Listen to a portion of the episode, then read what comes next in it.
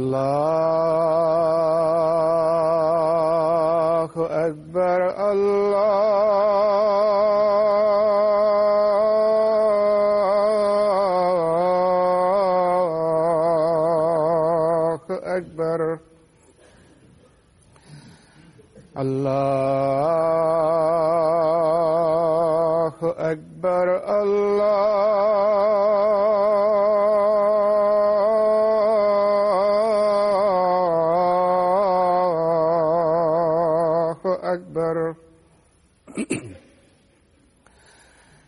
أشهد أن لا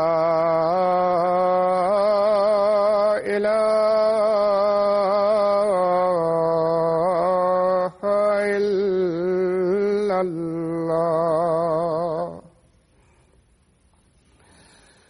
أشهد أن لا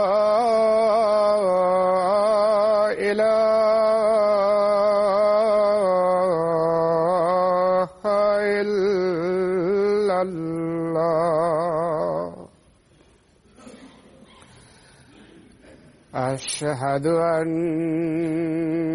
محمدا رسول الله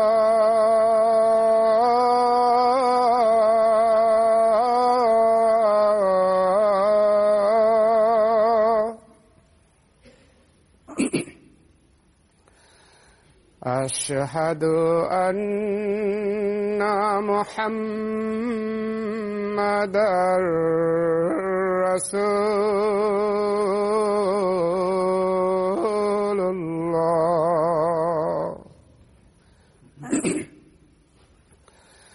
حي على السلام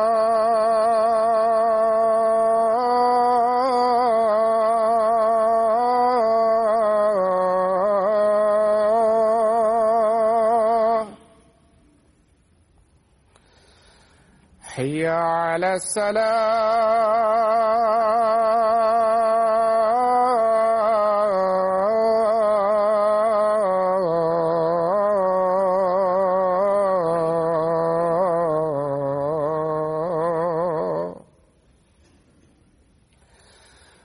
حي على الفلاح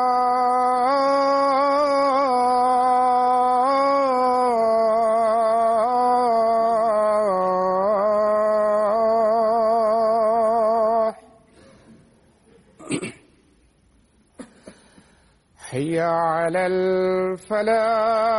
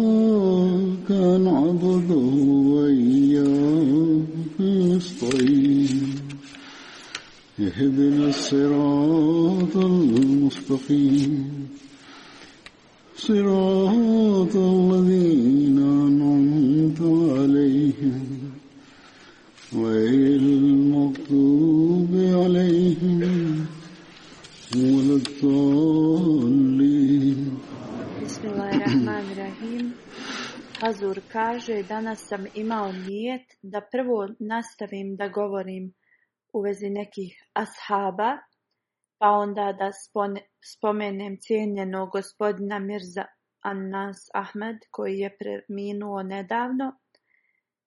Kako god, mnogi ljudi su pisali mi i spomenuli puno stvari u vezi njega, tako da sam odlučio da trebam da danas govorim samo o njemu. Gospodin Mirza Anas Ahmed je bio najstariji sin Halifatul Mesih III. Rahimullah ta'ala. On je u 81. godini života preminuo nedavno u Rabbi. i nalilahi ve inna ilaihi rađiun. Zaista smo Allahovi, njemu se vraćamo. On je bio najstariji unuk od Hazreti Muslima radijalahu anhu. To mu je djed s očeve strane, a sa majkine bio je unuk od Hazreti Navab Mubarka begum Saheba i od Mohameda Navab saheb. Hazur kaže, on je također moj rođak s majkine strane.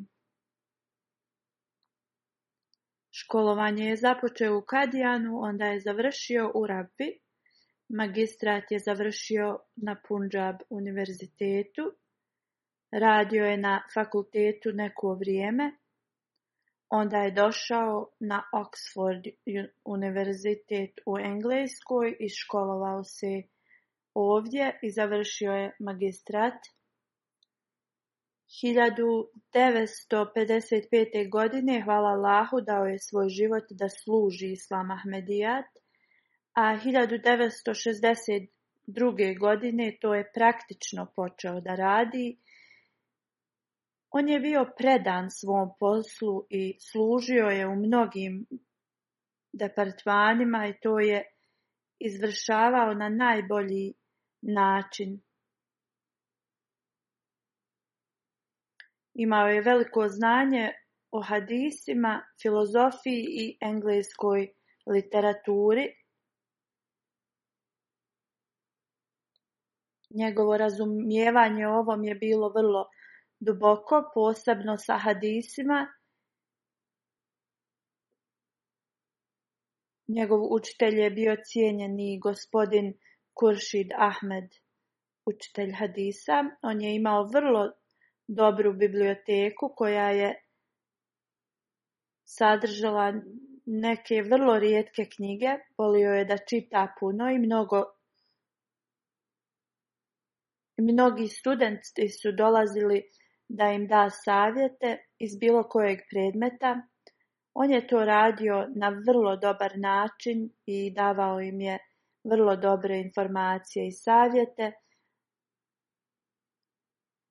Znači, on je imao toliko puno knjiga o hadisima i kupavao bi je u raznim knjižarnicama širom svijeta, knjižarama širom svijeta kad je dao svoj život za službu u džamatu 1955. godine, Hazreti Muslim Maud radijalahu anhu, drugi halifa u Ahmedijatu, ga je spomenuo i rekao je da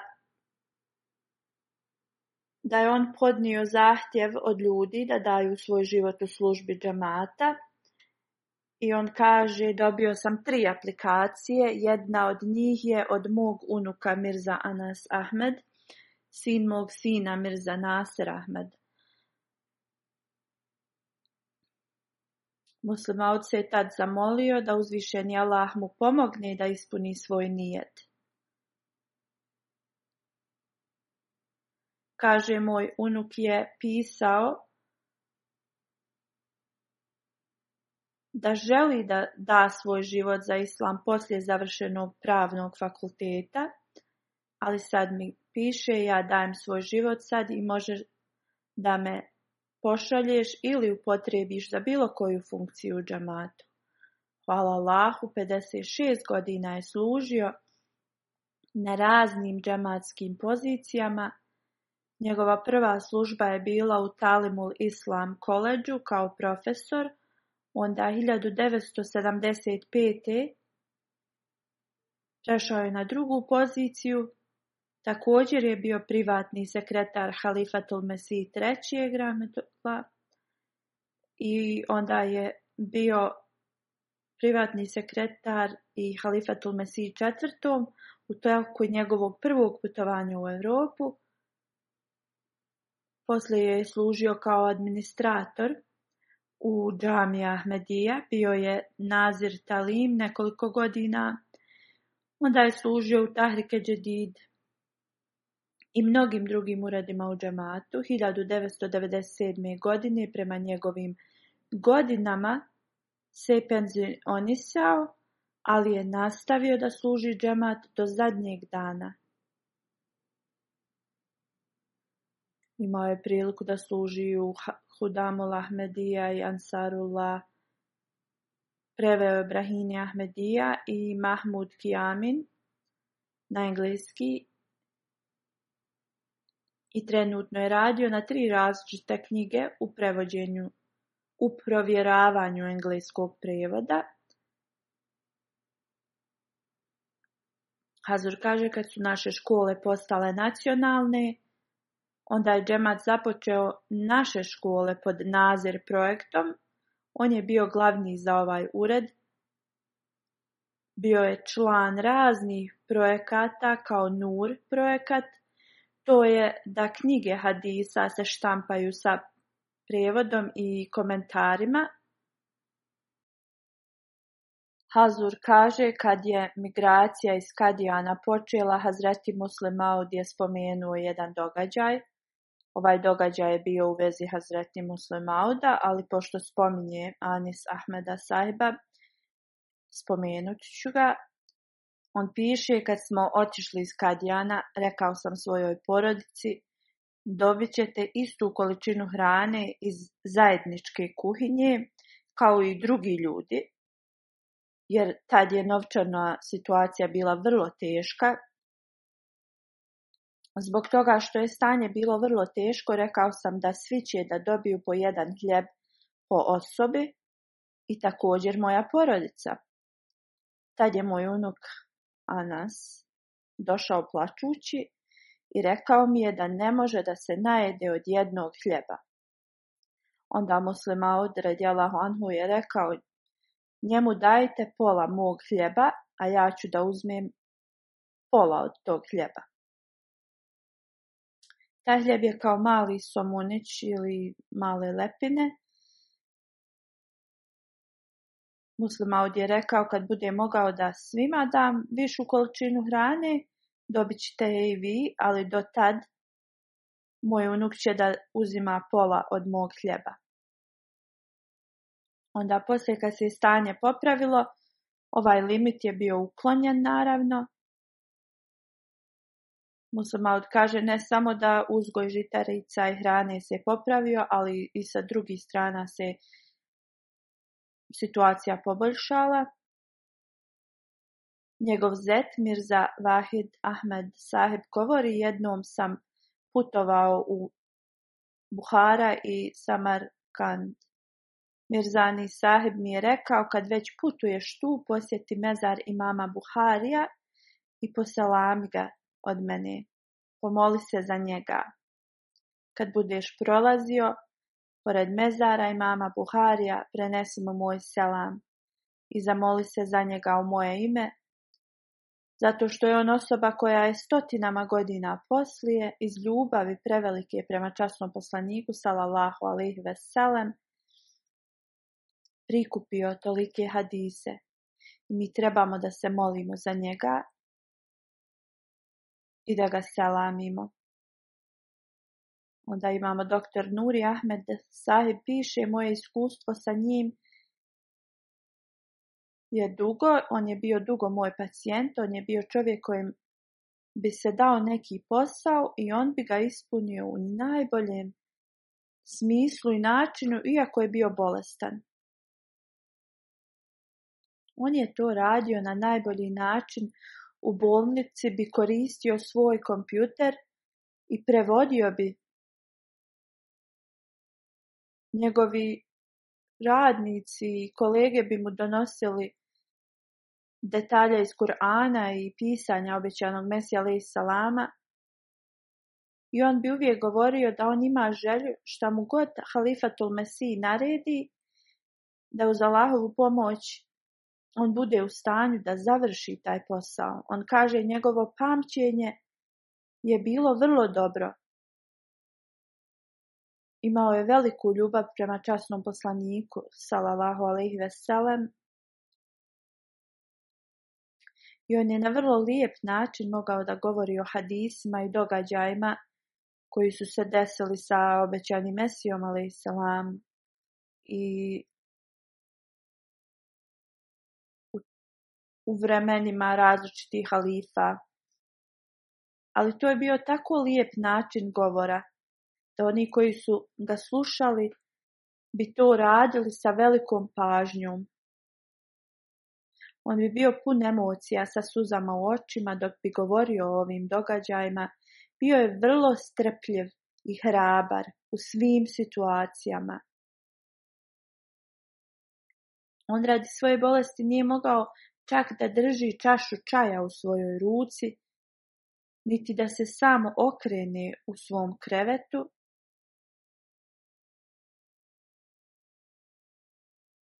ali njegov rad je uvijek bio završen. On je bio vrlo skromna i pobožna osoba.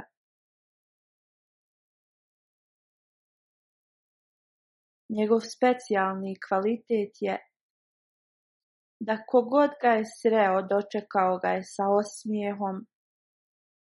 Dan prije došao je u Tahir Hart institut i moglo se vidjeti na njegovom licu umor i bolovi radi njegove bolesti, ali se je nasmijao i rekao je osjećam da mi se kraj približava i da ću se uskoro vratiti mom Allahu. Ovo je rekao sa vrlo velikim zadovoljstvom na svom licu i osmijehom.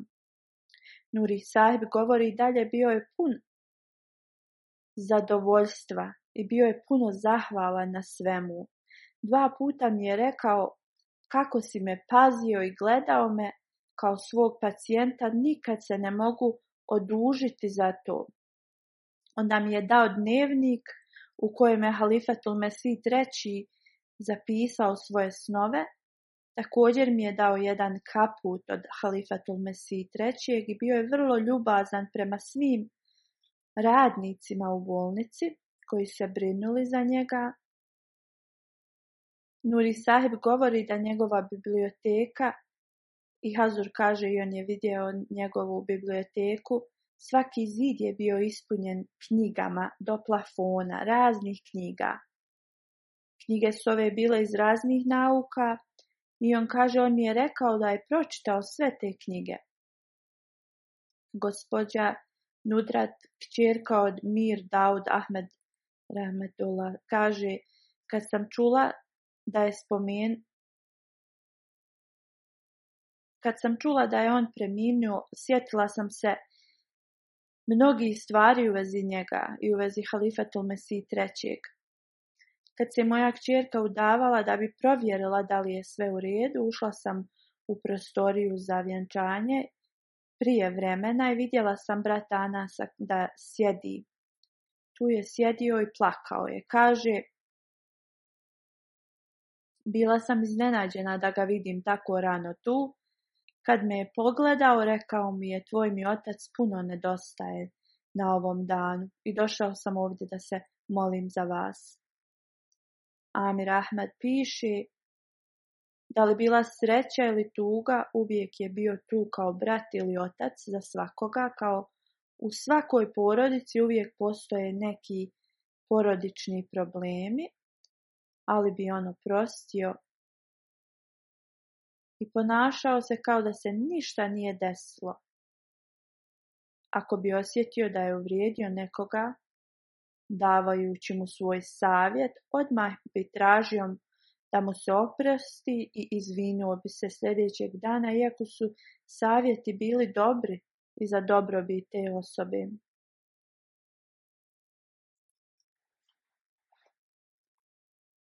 Munirudin Šem sahib, on služi kao vakilul tasnif, piše Provodio sam puno vremena sa njim. Iako je dosta stariji od mene, bio je uvijek dobar i nježan. Nikad nisam osjetio ovu razliku u vezi njegovog znanja ili što je bio stariji. Kad bi mu god zatražio pomoć u prevođenju, uvijek, uvijek bi mi pomogao i kad bi mu davao nešto da nam pomaže, on bi uvijek tražio još više posla i uvijek bi slao salame halifi, ko bi god išao ili pisao, on bi uvijek govorio po salamite mi Hazura i pitao bi uvijek da li je halifa zadovoljan sa mojim radom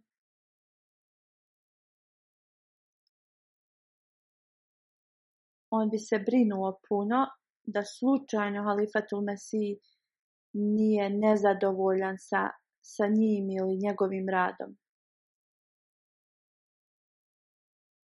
Svaki posao bi sa zadovoljstvom završavao što prije moguće i u svojoj bolesti preveo je neke knjige obećanog Mesija i salama, neke dosta dijelova iz Brahine Ahmedija je preveo, na vrlo, vrlo dobar način pomagao je sa vrlo teškim riječima u prijevodu. Hazur kaže kad bi ja poslao neke sugestije i pitao da on komentariše, davao bi odgovor sa puno poštovanja, detaljno, ali sa velikim poštovanjem prema halifi. On je bio učenjak pun znanja i nedostajaće u džamatu da Allah nam podari još učenjaka poput njega u našem džamatu.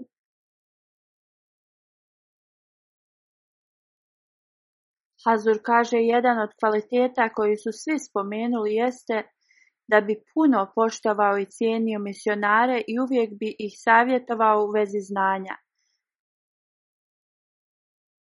Hafiz Muzafer Ahmed Sahib koji je dodatni nazir Islahi Iršad Mukamin Rabba piše on je bio čovjek koji je imao puno kvaliteta i ljubav prema uzvišenom Allahu i poslaniku salallahu alaihi veselem. Put znanja, ali je bio, bio vrlo nježan i pobožan.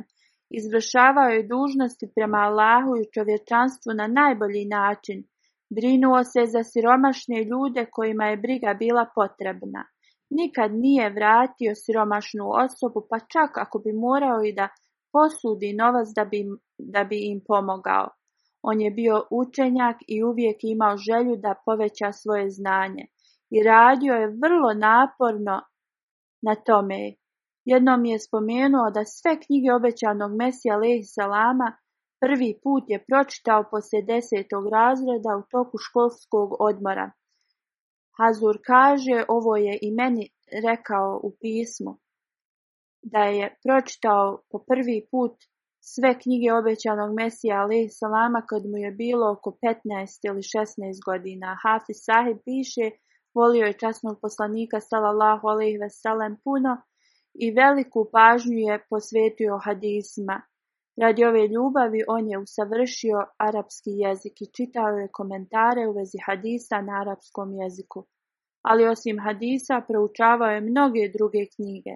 Sahih Buhari je naučio od Kuršid sahiba i prije nego što bi odlazio na posao kad je radio na fakultetu, prvo bi zastao kod njega i učio hadise. Vidjeli bi njegov automobil ispred njegove kuće. Poslije toga je pročitao Sihaj i Sita, šest autentičnih knjiga hadisa, mnogo knjiga i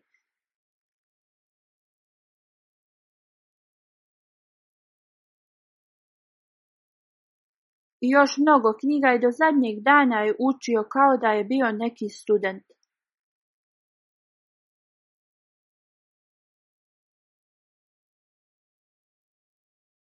Opet su također i, i ova osoba je spomenula njegovu biblioteku i kako je imao mnoge knjige i koje su bile i rijetke knjige i razne knjige o hadisima, volio je da uči i da također prenosi svoje znanje na druge kroz razgovore i diskusije.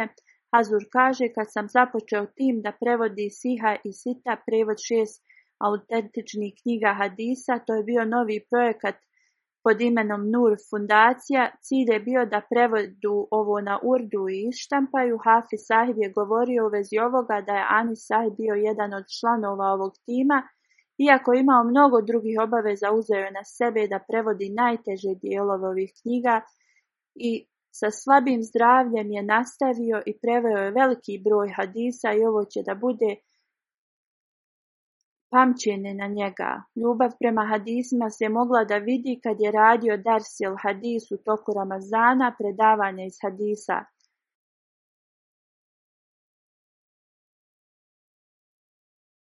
Sa pažljivim izučavanjem bi davao ova predavanja u vezi hadisa i života poslanika sallallahu alaihi veselem, imao je posebnu emociju kad bi govorio, u njegovom glasu se moglo da osjeti ljubav, i mnogi bi uživali i u trenutku bi se vratili u vrijeme časnog poslanika sallallahu alaihi veselem.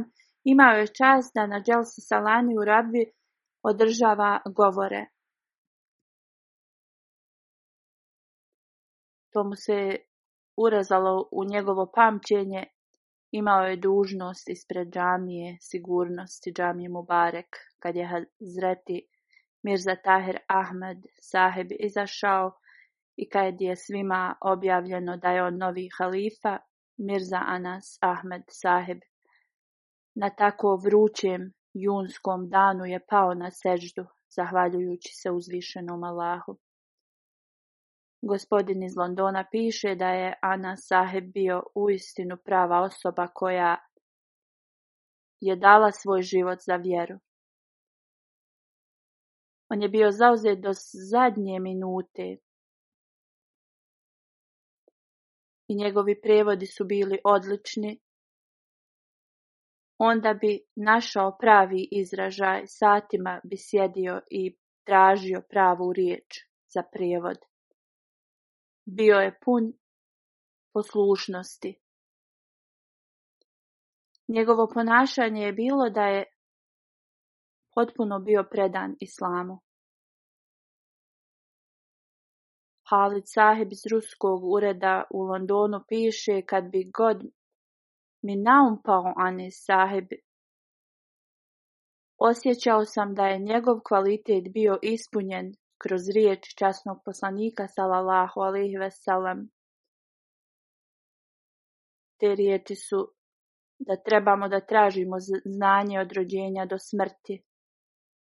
Mija Saheb je volio da izučava razne nauke, uvijek se trudio da nauči nešto novo. Nikad ne bi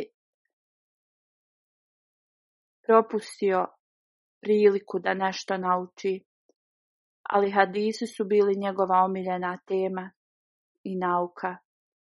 I također učenje stranih jezika je volio. Gostoprinstvo je bilo njegova velika osobina.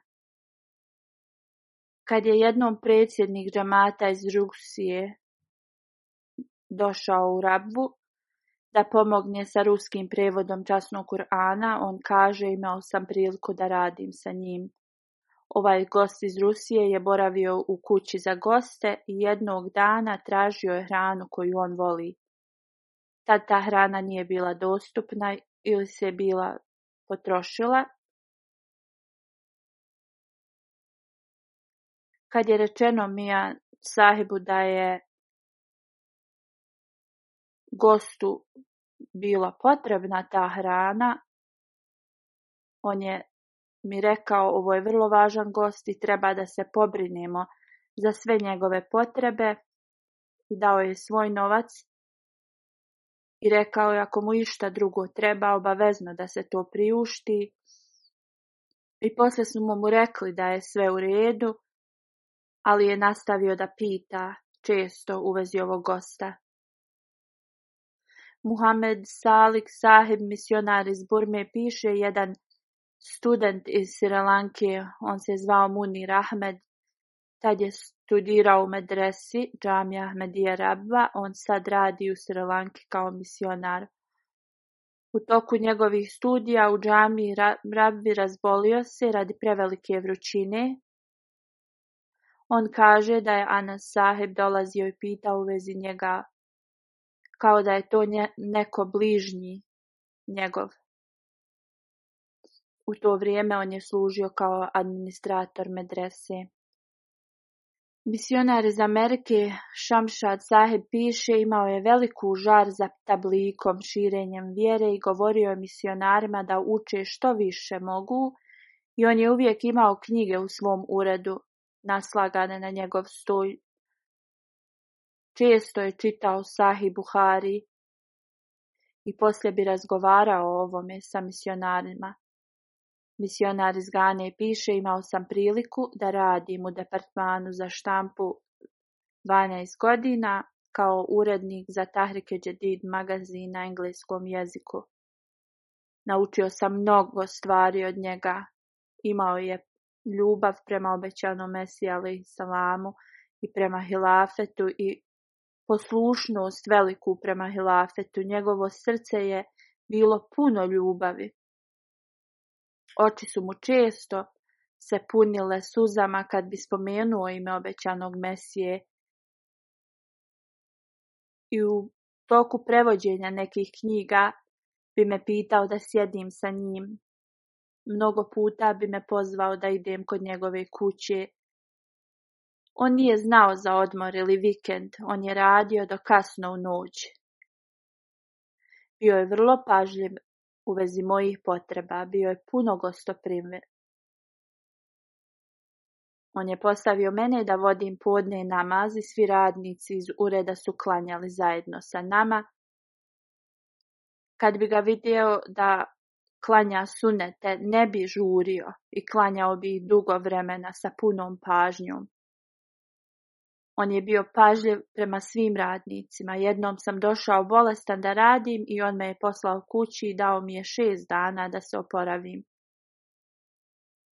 A on bi uvijek dolazio bolestan ili ako bi bio kod kuće bolestan i dalje bi nastavio svoj rad.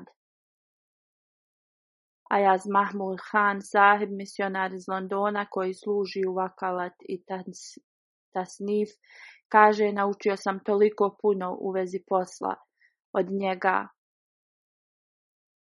On je prevodio knjige obećanog Mesija Salama i govorio bi nam o teškim dijelovima i prijevodima detaljno. I često bi nas savjetovao dok prevodimo. Nemojte samo koristiti najobičniji i bukvalni riječnik. Rekao je da trebamo da nađemo sličnu riječ onoj koja je korištena u originalnom tekstu, tako da ne smanjimo status obećanog Mesija i salama. Onda moramo da se trudimo da nađemo pravilnu riječ i da prenosimo ispravno značenje njegovih riječi. Volio je da prevodi i to bi radio i kad bi bio bolestan. Često je govorio zbog moje bolesti moja brzina rada je vrlo spora. I rekao je nekad ne može da radi više od 6-7 sati, ali je to redovno radio. A ja sahib govori, vidio sam nekada je radio po 12, 13, nekad čak i 15 sati kad smo bili u radbi. On nam je predavao neke časove i govorio bi Izučavajte što više možete, ne samo religijske knjige, učite i filozofiju, literaturu, novele. Tako ćete povećati svoj, svoje znanje i svoj govor. I da je to vrlo, vrlo važno za ljude koji radi, rade prijevod. Jednom sam ga upitao kako da prevedem jednu riječ, on se malo zamislio i onda mi je dao nekolike različite riječi koje bi mogao da koristim. Tad sam mu ja rekao ferula Han Saheb je preveo ovu riječ drugačije. On je bio vrlo sretan i rekao je da on je bio u pravu i to je tačan prijevod. Sa velikim poštovanjem je govorio prema Zaferullah Han i rekao je da je njegov riječnik vrlo odličan. Ajaz govori da Anas Ahmed Saheb se nikad nije hvalio ispred halife sa svojim znanjem. Iako bi mu bilo rečeno da je Hazu rekao nešto drugačije nego što je on rekao, on bi odma rekao da Hazur je u pravu i uvijek bi nas savjetovao da halifino mišljenje je uvijek u pravu i tačno, i da ga mi trebamo da slijedimo. Šejk Nasir Saheb koji radi u ruskom uredu kaže radio sam 16 godina sa Ani Sahebom i naučio sam mnogo toga od njega. Bio je vrlo dobar prijatelj. I nikad nije učinio da se osjeća manje od njega bilo radi čega, da li to bilo zato što je on stariji ili zato što on ima više znanja, on bi mi govorio da se osjećam kao da je on njegov roditelj. Bio je dobar sa svim radnicima, ako bi dobio neki komentar radi moje greške, on bi mi se obraćao vrlo fino prema meni ali sljedeći dan bi došao i pitao me da li sam ja u redu. Ja sam mu odgovorio, Mija sahib, nisi ništa ni uradio da se ja osjećam loše. Kad je bio ljut, ne bi govorio. I mi smo znali da nije sretan, ali čim bi mu telefon zazvonio, on bi odmah to ostavio po strani i izbacio bi iz svog srca i prešao bi na sljedeću stvar – dao bilo koji zadatak, odmah bi sazvao sastanak i tražio bi savjet od svojih kolega da isplaniraju kako bi to završili što prije i na najbolji način. Iako je često bio kod kuće i bio je bolestan, trudio se uvijek da završi svoj posao što prije. I nekad radi bolesti kad nije dolazio u ured, on bi pozvao radnike iz ureda u njegovu kuću i tu bi nastavio da radi. Za njega nije postajao praznik ili odmor. I dok bi bio bolestan u krevetu, on bi nastavio sa poslom.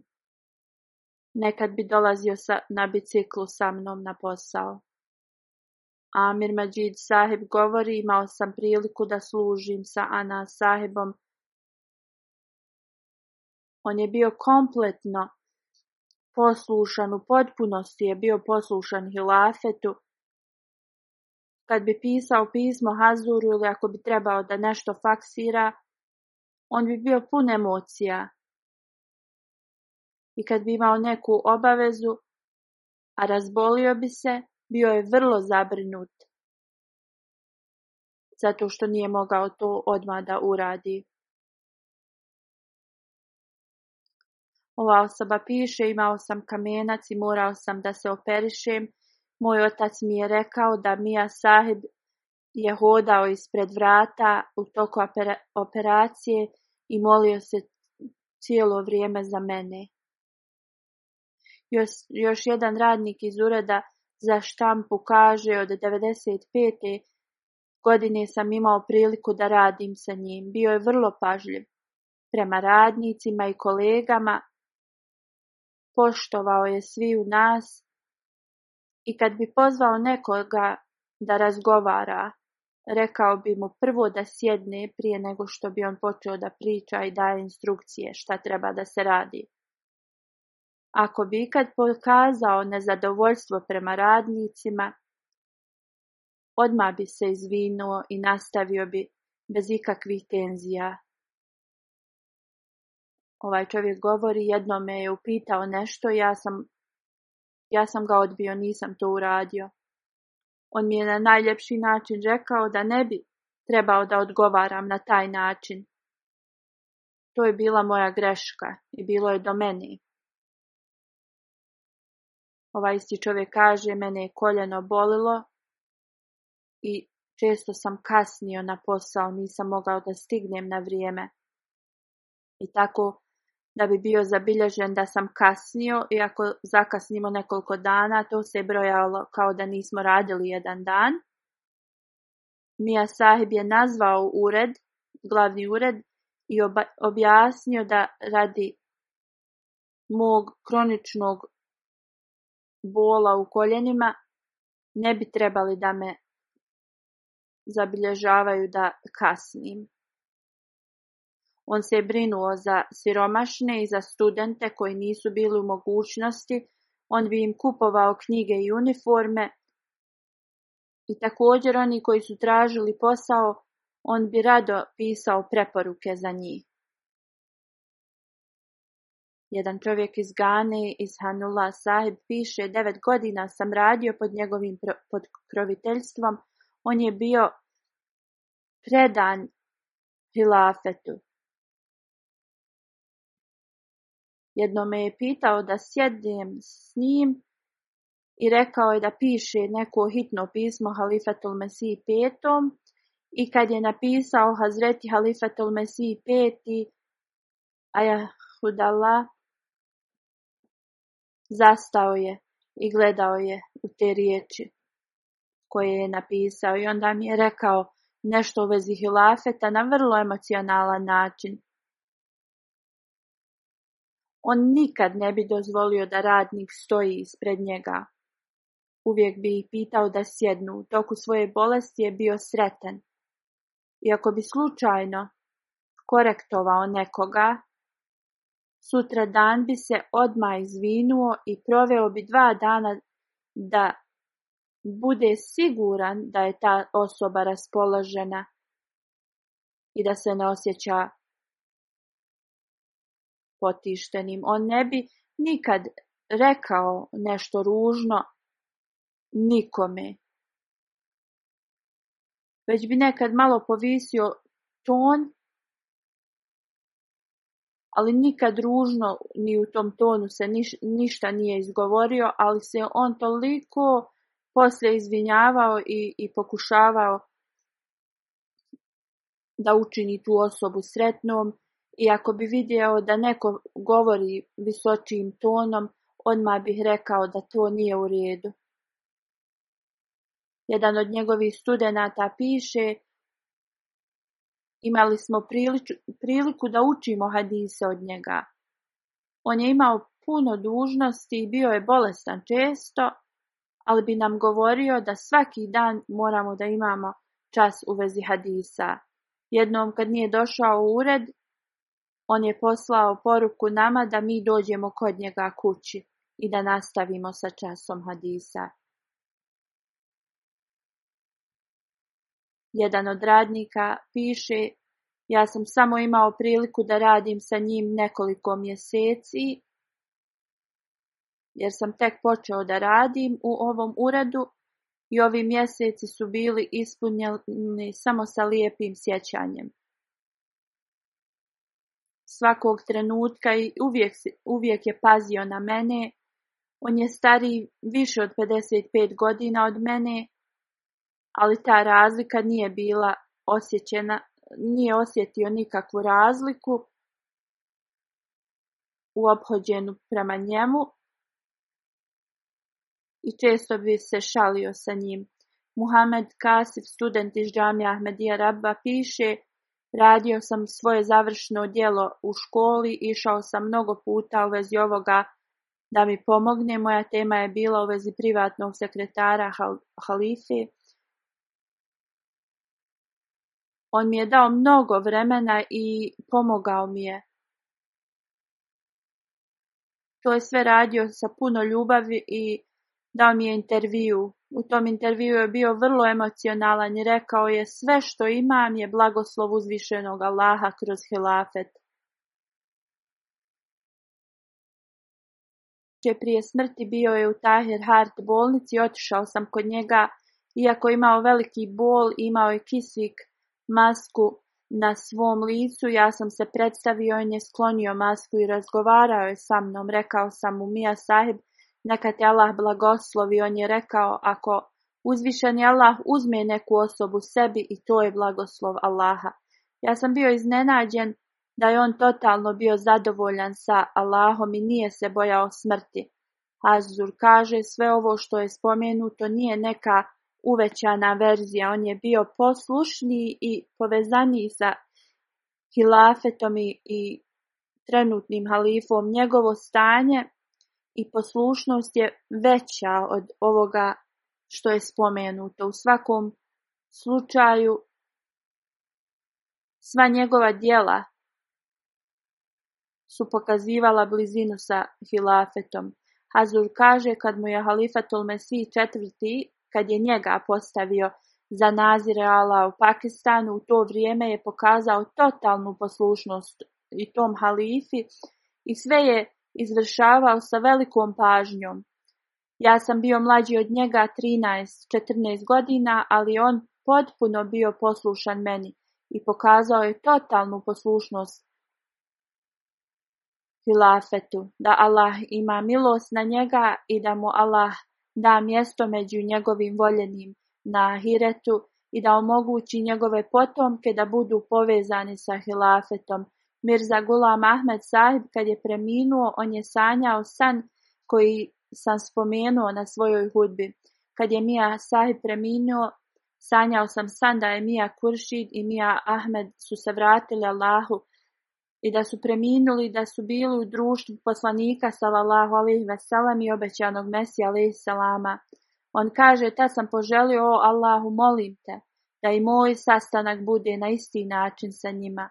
Onda sam se molio, o Allahu, molim te primi mene ovako i Allah mi je odgovorio, pođi naprijed. Allah mu je dao radosne vijesti o oprostu, da uzvišeni Allah uzdigne njegov status i da njegovi potomci budu predani vjeri. Amin.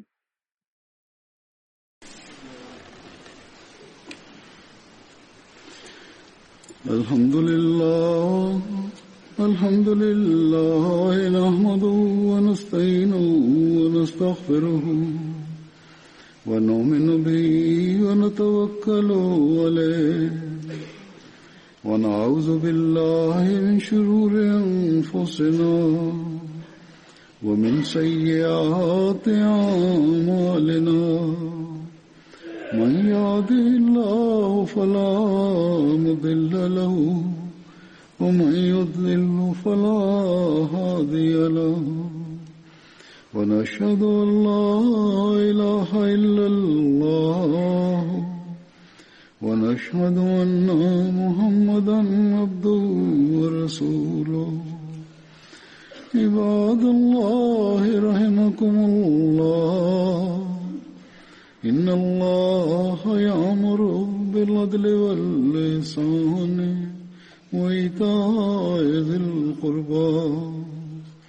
وينهى عن الفحشاء والمنكر والبغي يعظكم لعلكم تذكرون اذكروا الله يذكركم وادعوه يستجب لكم ولذكر الله أكبر